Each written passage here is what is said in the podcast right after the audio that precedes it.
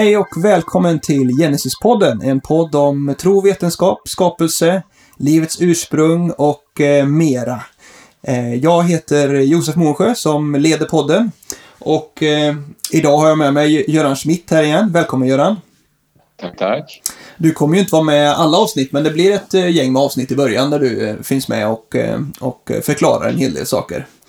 Mm, jättekul! Mm, och du är ju eh, föreläsare och eh, drivande i Genesis-föreningen i Sverige och sådär. Du har ju berättat tidigare vem du är och sådär, så vi behöver inte ta det så mycket mer. Men om man tycker att det här är spännande, Göran, då finns ju du som en av föreläsarna som jättegärna kommer ut och föreläser för en Ja, man kan ju finnas i vilket sammanhang som helst, i skolan eller i en kyrka eller i en ungdomsgrupp eller vad det skulle kunna vara annars också. Visst är det så? Mm.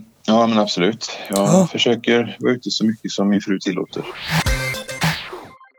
Vi har ju pratat här om ett par olika saker, lite allmänt om att naturen är fascinerande och i förra avsnittet talade vi om att, ja, men att det finns vissa saker som pekar på att de, de är så pass komplicerade i sig själva och de går inte riktigt att eh, plocka ner liksom till att ha skett i en gradvis utveckling utan många saker behövs på en gång för att det ska fungera.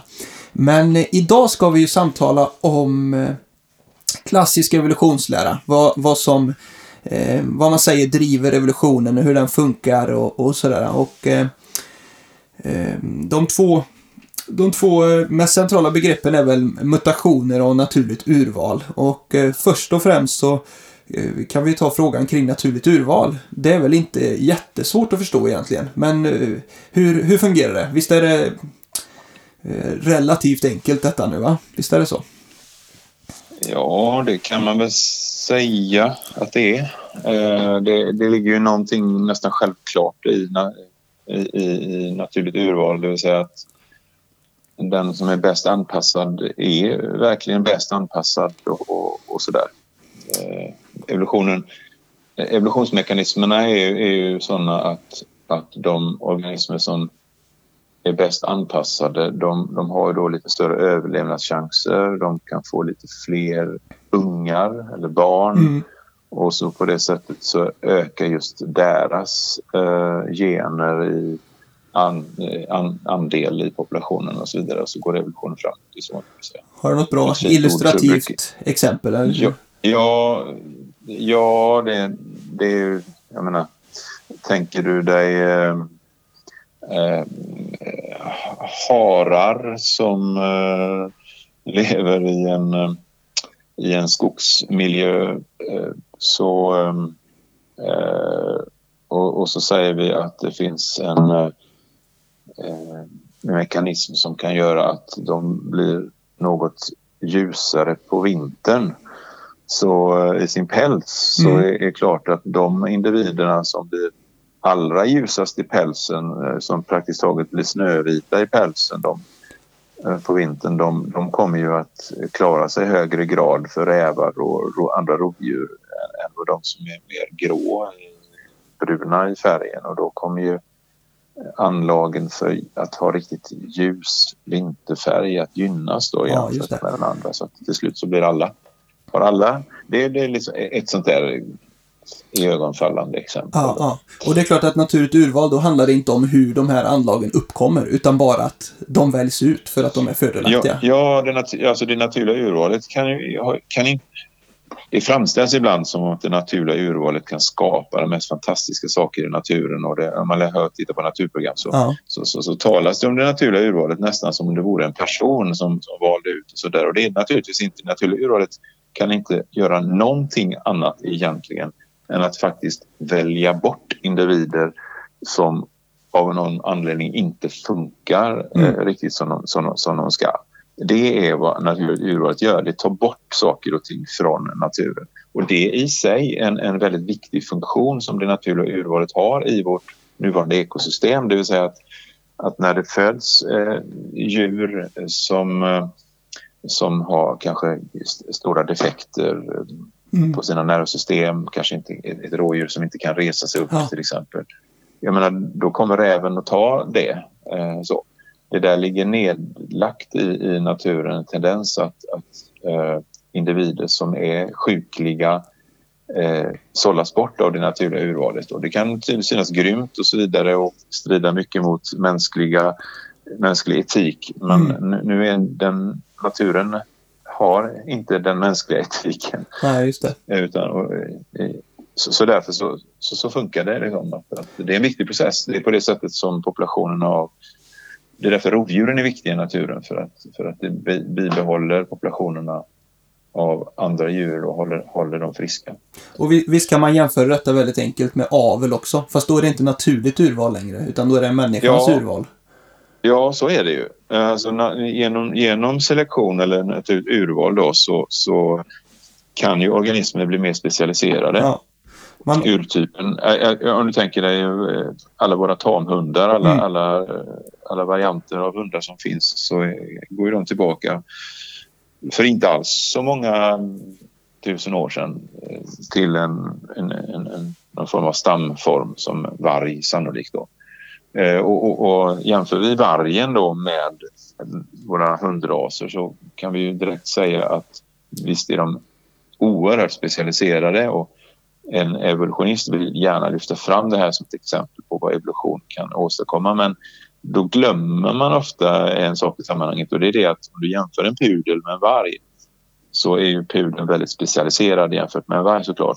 Men dess, dess livskraft eh, är ju oerhört begränsad jämfört med vargen. En, en mm. pudel klarar ju inte en, en vinter i svensk skog till exempel för att Nej. det är så mycket anlag. För att, för att i det fallet så är det det mänskliga urvalet ja, som precis. har aktivt plockat bort en massa egenskaper, anlag eh, för eh, saker och ting som, som är, är livsnödvändiga i ett vilt tillstånd. Då.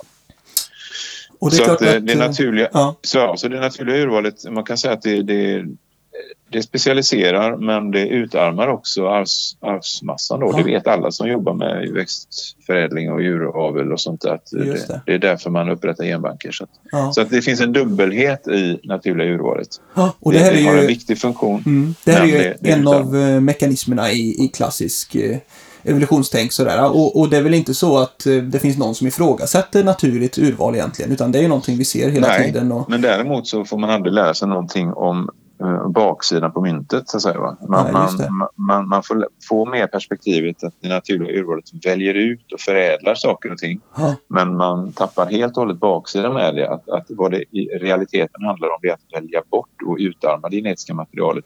Men det innebär, det gör att det bidrar till en ökad överlevnad och många populationer i naturen skulle, skulle liksom försvagas så mycket så att de skulle försvinna om inte det fanns ett naturligt urval. Mm. Så det, det, är viktigt men det är samtidigt faktiskt destruktivt. Eh, och det får man aldrig höra, den delen av det hela. Just det. Och, och där är ju den andra biten här som är kanske större som vi pratar lite längre om här då är ju, är ju mutationer. För att uh, utöver naturligt urval så är ju mutationer någonstans det som skapar det nya råmaterialet, eller hur får man uttrycka sig? Ja. Enligt evolutionsläran då. Ja, men så är det ju. Så är det. Ja. Så att uh, det är också någonting som man... Det där står ibland Eh, lite utspritt eh, i våra biologiböcker för att på ett ställe i biologiboken där, där, där står det att eh, mutationer är då eh, någonting som är, vi ska akta oss för eh, som förorsakar cancer och annat otäckt. Eh, och sen på ett annat ställe, oftast mycket längre bak i biologiboken, så, mm. så står mutationer som en som förklaringen till varför vi finns till, nämligen den, den mekanism som genererar variation och skapar nya varianter av gener och eh, som kodar för nya egenskaper hos levande varelser. Så man kan ju bara gissa hur många mutationer, om, om vi tänker oss att livet som enligt evolutionsperspektivet började med en liten primitiv encellig organism som sen då eh, har gett upphov till allt levande nu så inser man hur svindlande många eh, skapande mutationer som måste ha ägt rum. Ja. Alltså det handlar om totalt oräkneliga antal sådana. Ja. Eh, det finns bara ett problem med det scenariot och det är det att vi har nog, forskningen har nog ännu inte kunnat visa upp en enda mutation som faktiskt är konstruktiv och som skapar någonting nytt. Mm. Uh, och det, det, det, det, är ingenting man får lära sig i skolan, men det, det, det är ett faktum att det är på det sättet. Och det borde man väl se ganska ofta egentligen, för det finns ju många livsformer och sådär på jorden, så det borde ju... Ja, visst är det så. Uh, vad jag inte säger nu är att levande varelser är oföränderliga. Nej, uh, för det är de inte. Levande varelser förändras verkligen ja. och mutationer är en uh, av orsakerna till att de förändras. Men det handlar om att urskilja i vilken riktning sker de förändringar som mutationer skapar. Och, och det är där som våra perspektiv skiljer oss åt. Eh, sådär, därför att enligt evolutionsteorin så är är ju mutationerna den process som har, har en skapande kraft och som skapar mer och mer variation och mer och mer avancerade livsformer mm. över tid. Då. Ja. Så att medans eh, när man verkligen tittar på vad mutationer åstadkommer så är det en väldigt, väldigt mörk läsning. Eh, jag menar, varför åldras en människa och dör? Ja, där är mutationer en, en stor del bakom, bakom den processen. Ja. Eh, varför, som jag nämnde, alla de här cancerformerna som existerar, vad, vad beror de på? Svaret mm. är i samtliga fall, det beror på mutationer. Just det. Listan över, med över 10 000 genetiska defekter, sjukdomstillstånd hos människan då. Eh, samtliga de förorsakas av av mutationer. Så mutationer är, det, det, det, det, här vet alla. Det här vet alla. Det är därför, jag brukar säga det är därför tandläkaren går och gömmer sig bakom väggen varenda gång han ska trycka på röntgenknappen. Ja. Det, det, är därför att vi vet att det är på det sättet. Mutationer är en mycket, mycket destruktiv eh, faktor som vi på allt sätt försöker skydda oss ifrån. Ja. Och, och samtidigt måste man som, som evolutionstroende så måste man då tro att, evolution, äh, att mutationer dessutom är en skapande kraft som är positiv, som skapar genererande. Mm. Men då om vi, om vi, vi måste, ser alltså... Jag måste säga ja. en sak till. Ja. Bara, dessutom så är de tvingade att säga att, att det finns, att det är en konstlad uppdelning med gott, goda, bra mutationer och dåliga mutationer. Därför att det ligger då en mänsklig värdering i vad som är bra och dåligt. Och man är mycket noga med att hävda att det här är helt, naturen har inga sådana värderingar utan det som är det som bara funkar, ja men det väljs ut. Och det har inga värderingar i det, bra eller dåligt.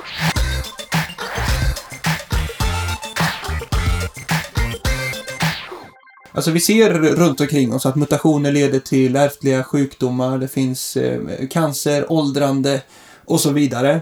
Eh, man går inte in i ett kärnkraftverk för då vet man att det sker massa eh, mutationer och så vidare. Men de som jobbar där måste ju göra det. Ja, just det. De, de går in, ja, men de är väl skyddade va? Visst är det så? Ja. Ja. ja. Men eh, hur, liksom, vad finns det då för...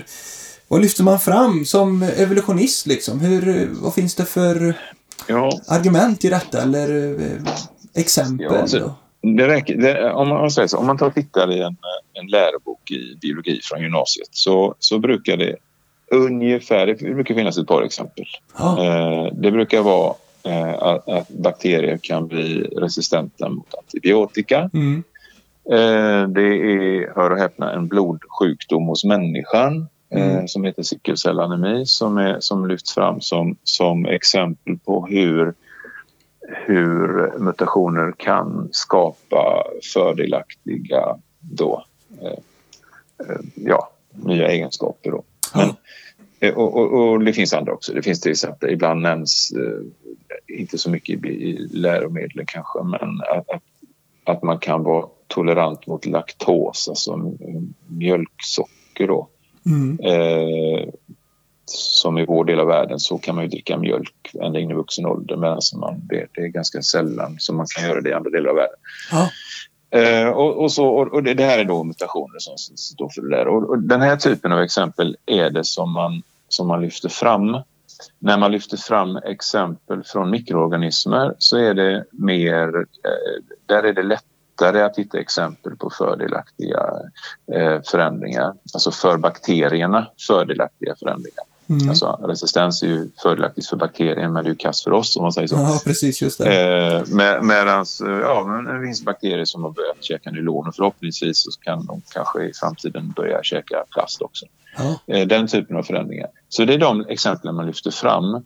I människans fall så är det som sagt en, på universitetsnivå så, är, så handlar det om ett, en handfull mutationer som man som eh, vid sidan av då den här sickelcells blodbristsjukdomen då, eh, som, som då anses som fördelaktiga. Varför är blodbristsjukdomen sickelcellsanemi fördelaktig? Jo, det är därför att om man bär anlag från mamma eller pappa för den mm. sjukdomen så har man en, eh, en relativt bra motståndskraft mot att drabbas av malaria som, mm. som, som liten. Då, vilket Aha. gör att en ganska hög andel av befolkningen i Afrika och vissa delar av Indien bär på det här anlaget. Därför att annars hade man inte levt, man hade dött i malaria. Eh, så att, och det är klart att det är en fördel att överleva och inte, dö i malaria. Mm. Men, men eh, att samtidigt så har man ju då anlag för en, eh, en, en, en, en mycket, egentligen mycket allvarlig sjukdom. Så, så skulle man få barn tillsammans med en person som, som är bärare av samma anlag så är, är chansen eh, 25 procent att, att barnet blir mycket, mycket allvarligt eh, sjukt i, i, i, i något som kallas då för uh, ja, det heter sickle disease tror jag det heter. Alltså mm. en mycket, mycket allvarlig sjukdom. Just så, att, så att, ja, och där ser man alltså hos människan då så är, kan, så är de flesta mutationer eh, mycket destruktiva. Det är därför som, som däggdjur till exempel har väldigt avancerade system för att faktiskt upptäcka mutationer mm. och klippa bort dem. Så att de, de eh, komplexa enzymer som, som ser till att cellen delar, alltså DNA delar på sig i samband med celldelningen, de, de har också en korrekturläsningsfunktion inbyggd som gör att de, de upptäcker då, eh, mutationer. Eh, så, så, att de, de minskar då, eh, alltså det kanske är en bokstav i DNA på 10 000 som, eller på 100 000 som, som faktiskt blir fel. Ja. Men då rättar de till de allra flesta av dem så att det blir bara ett litet fåtal som slinker igenom. Eh, utan de systemen så skulle vår, vår astmasak haverera för länge sedan. Då.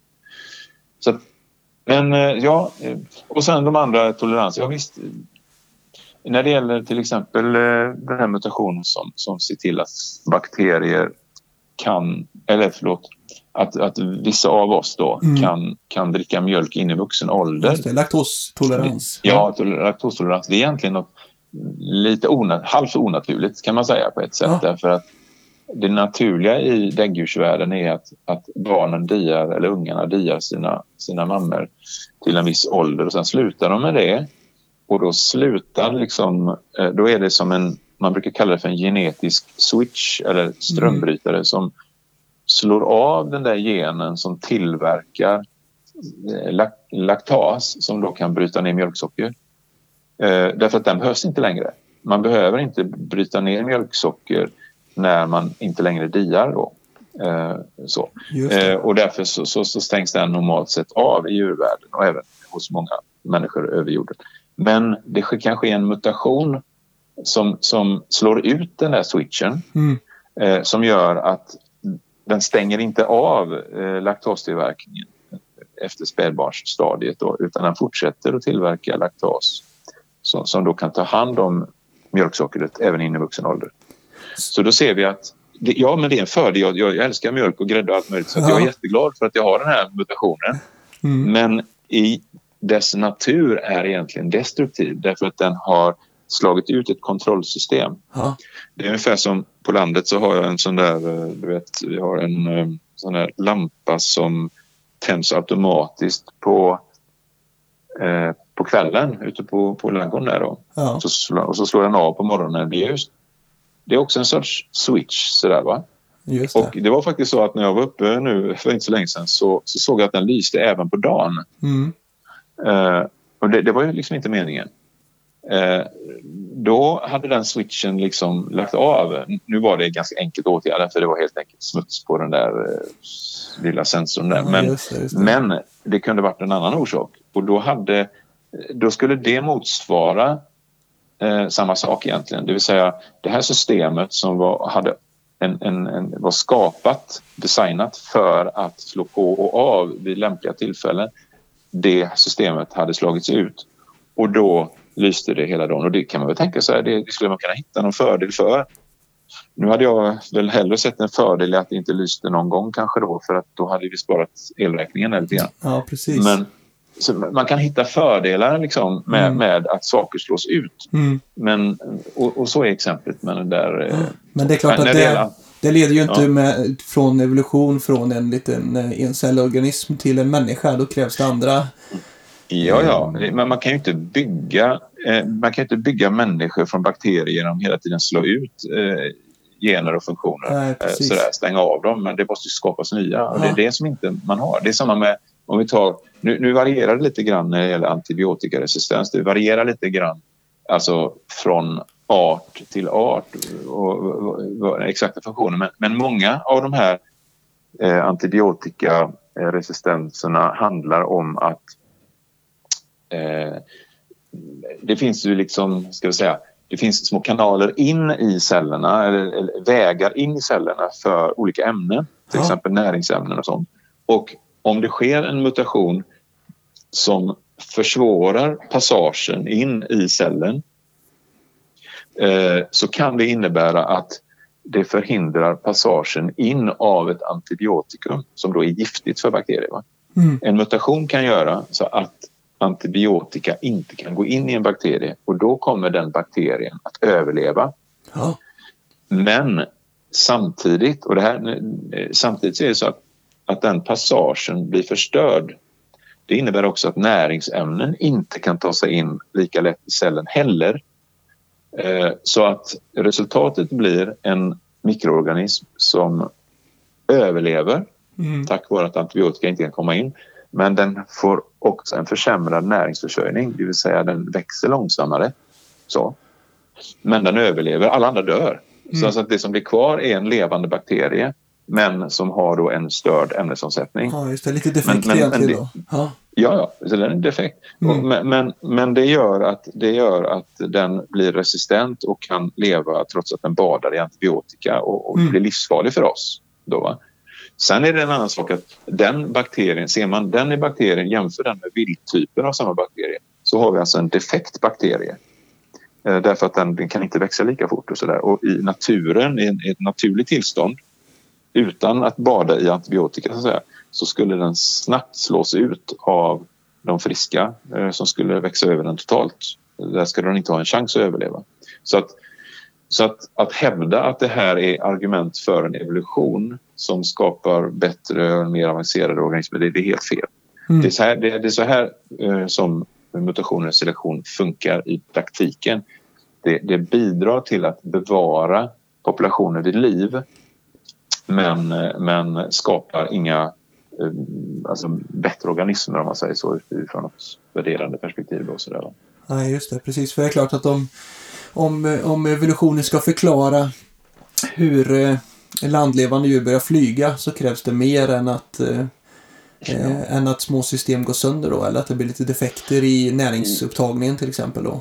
Ja, ja, men det, det, det, där, finns, där finns det absolut ingen evidens överhuvudtaget eh, för den typen av förändringar. Ja, det. Eh, och det, det, det, är ingenting, alltså det här är forskare medvetna om. Mm. Eh, att det är på det här sättet. Så det, är inget på något sätt. Det finns, inga, det finns ingen som helst evidens från molekylärbiologin till exempel som, som, som, som skulle, man skulle kunna visa på eh, no, no, några konstruktiva förändringar. Och det är klart att i debatter så vill man inte vidhålla det. Eh, men, men eh, tittar man på evidensen så, så, så, så är det bara det, är bara retorik skulle jag säga. Just det. Det Precis. Om, och det är klart att i skolan, så här, jag gick ju naturvetenskap på gymnasiet för inte så många år sedan. Sju, åtta sådär.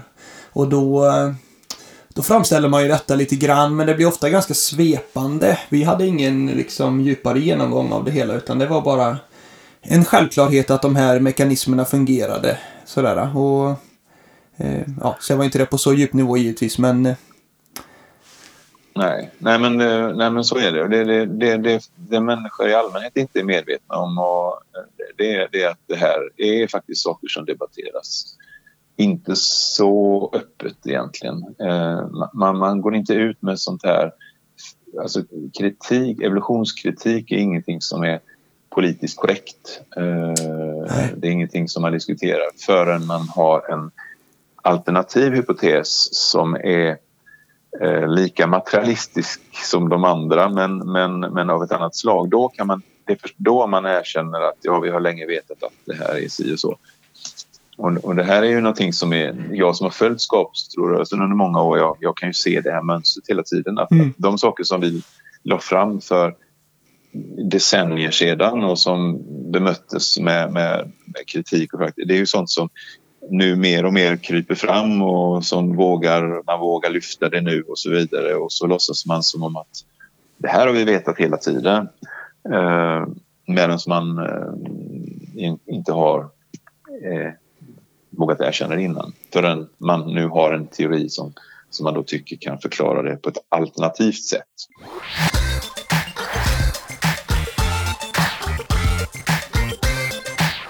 Du tänker att eh, naturligt urval och mutationer inte kan förklara eh, all den mångfald av liv som vi ser runt omkring oss. Vad blir alternativet? Det är någonstans det som blir frågan också här. Alltså, alltså, självklart är det så att eh, mutationer och naturligt urval.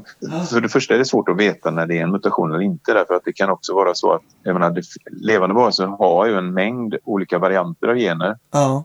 Eh, evolutionen förutsätter att alla varianter har uppkommit genom mutationer och det behöver de inte ha gjort.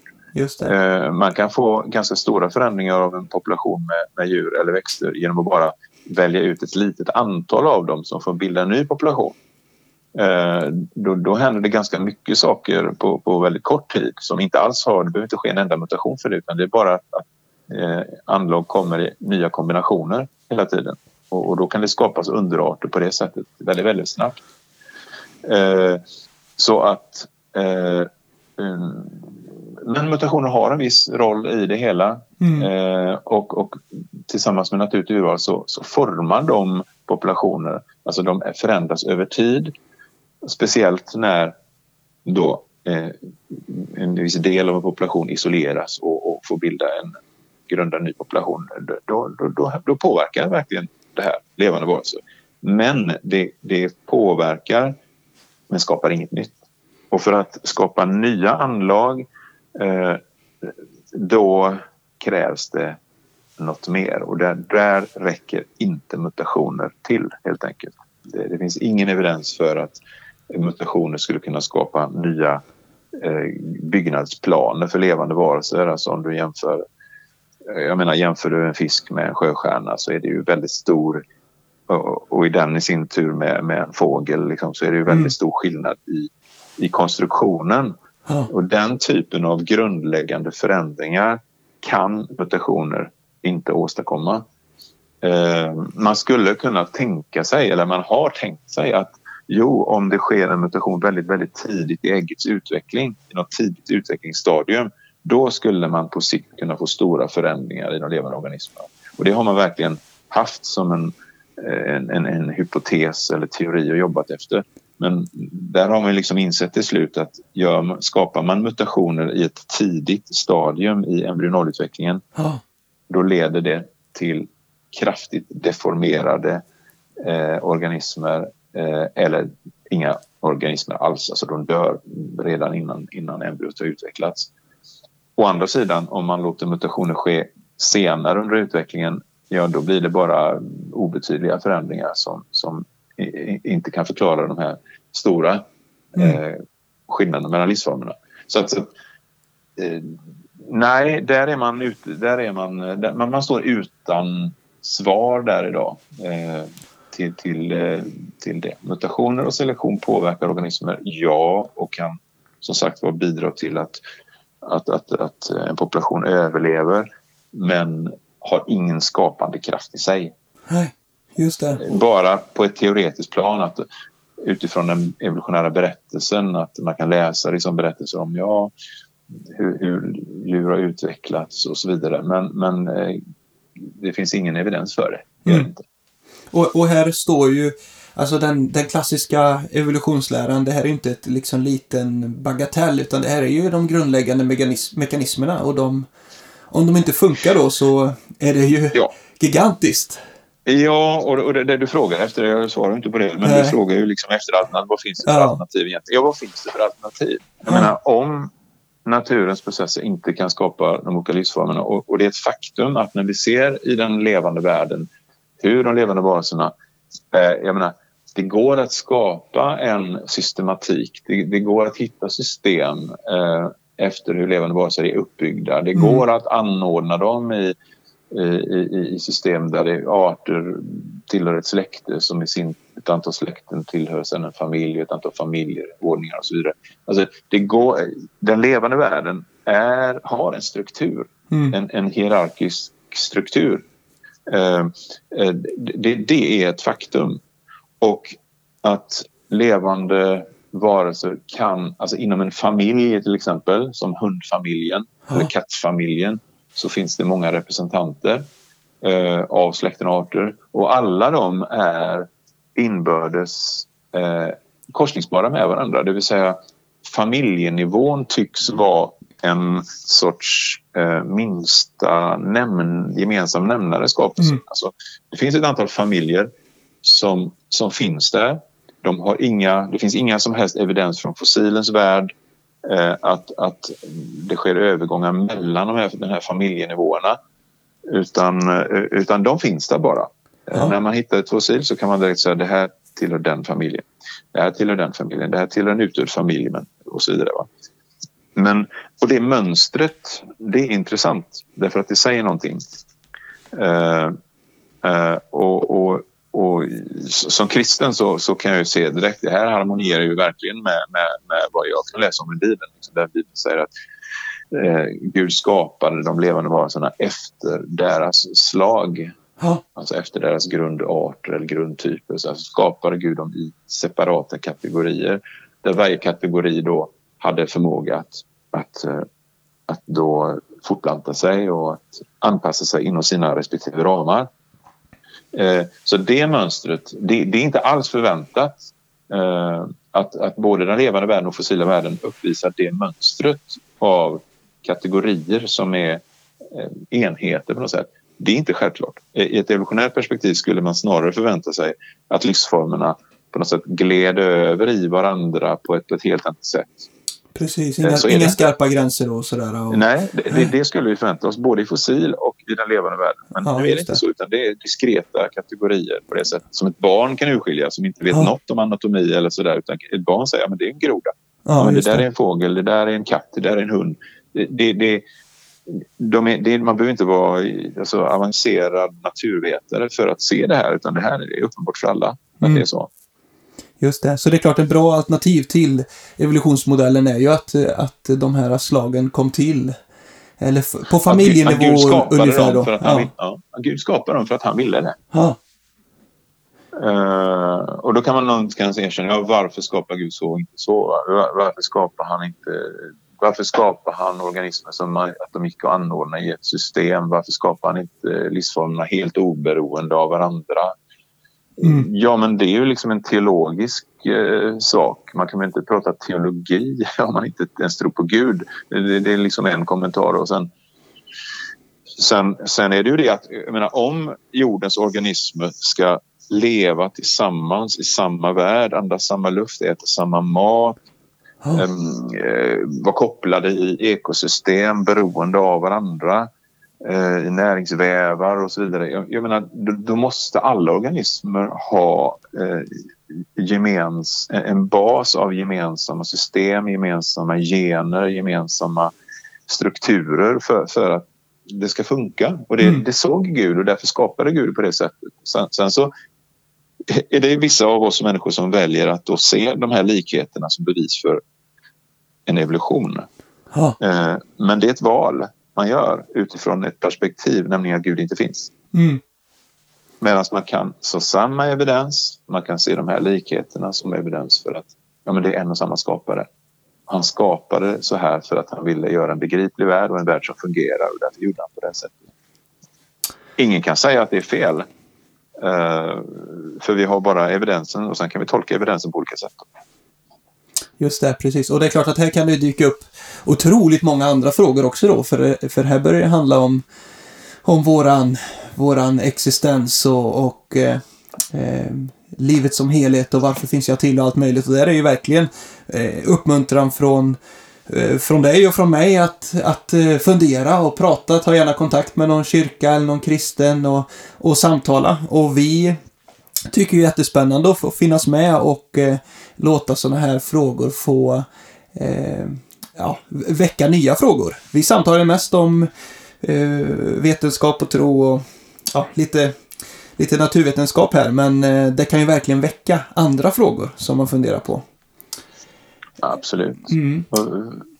Så att eh, jag ser hur, hur, hur trovärdig Bibeln faktiskt är när den uttalar sig om, om, om de här sakerna. En del säger så här, ja men Bibeln är ingen biologibok och det är väl sant. Men när Bibeln uttalar sig om skapelsen av levande varelser så, så, så görs det på ett sätt som vi kan se eh, när vi lägger naturens bok vid sidan av Bibeln så, att säga, så, så kan vi se att ja, det stämmer faktiskt överens. Eh, det bevisar inte att Bibeln har rätt men, men om, om det är rätt det som Bibeln säger, ja, då är det precis det vi förväntar oss som vi skulle se i naturen. Så vi, vi ser faktiskt samma ja. sak. Så att, ja. ja, det är spännande. Jag, håller med vi... dig. jag håller med dig. Det, här är, det, här, det är faktiskt en jätteviktig fråga det här för att hela frågan om, om, om livets uppkomst och varför vi finns till. Hela den här frågan är naturligtvis kopplad till frågan om Gud och livets mening i allra mm. högsta grad. Och det är därför också som det är en så känslig fråga. Det är därför det. också som, som det väcker så mycket, mycket Ja, men det väcker mycket känslor när man ifrågasätter evolutionen. Därför att någonstans bakom det så, så ligger det här att om evolutionen inte är sann, ja då, då, är vi lämnade kvar med ett otänkbart alternativ och det är att Gud skulle faktiskt finnas på riktigt. Mm. Just det. Men vi ska ta och eh, avrunda här i i nästkommande avsnitt så kommer vi prata om kanske lite fler eh, evolutionsargument som vi ska diskutera kring och, och vi kommer köra något avsnitt framöver om, eh, om livets ursprung lite mer specifikt om, om liksom första livets uppkomst. Men eh, eh vi tackar så mycket här och eh, har du frågor eller funderingar eller någonting du vill kommentera så eh, skicka gärna till oss på podden genesis.nu så, så är det en, väldigt roligt för oss om vi får lite bra gensvar och lite nya saker som vi kan vara med och ta upp. Men då tackar vi så mycket och önskar alla en ja. riktigt härlig dag. Ja, detsamma.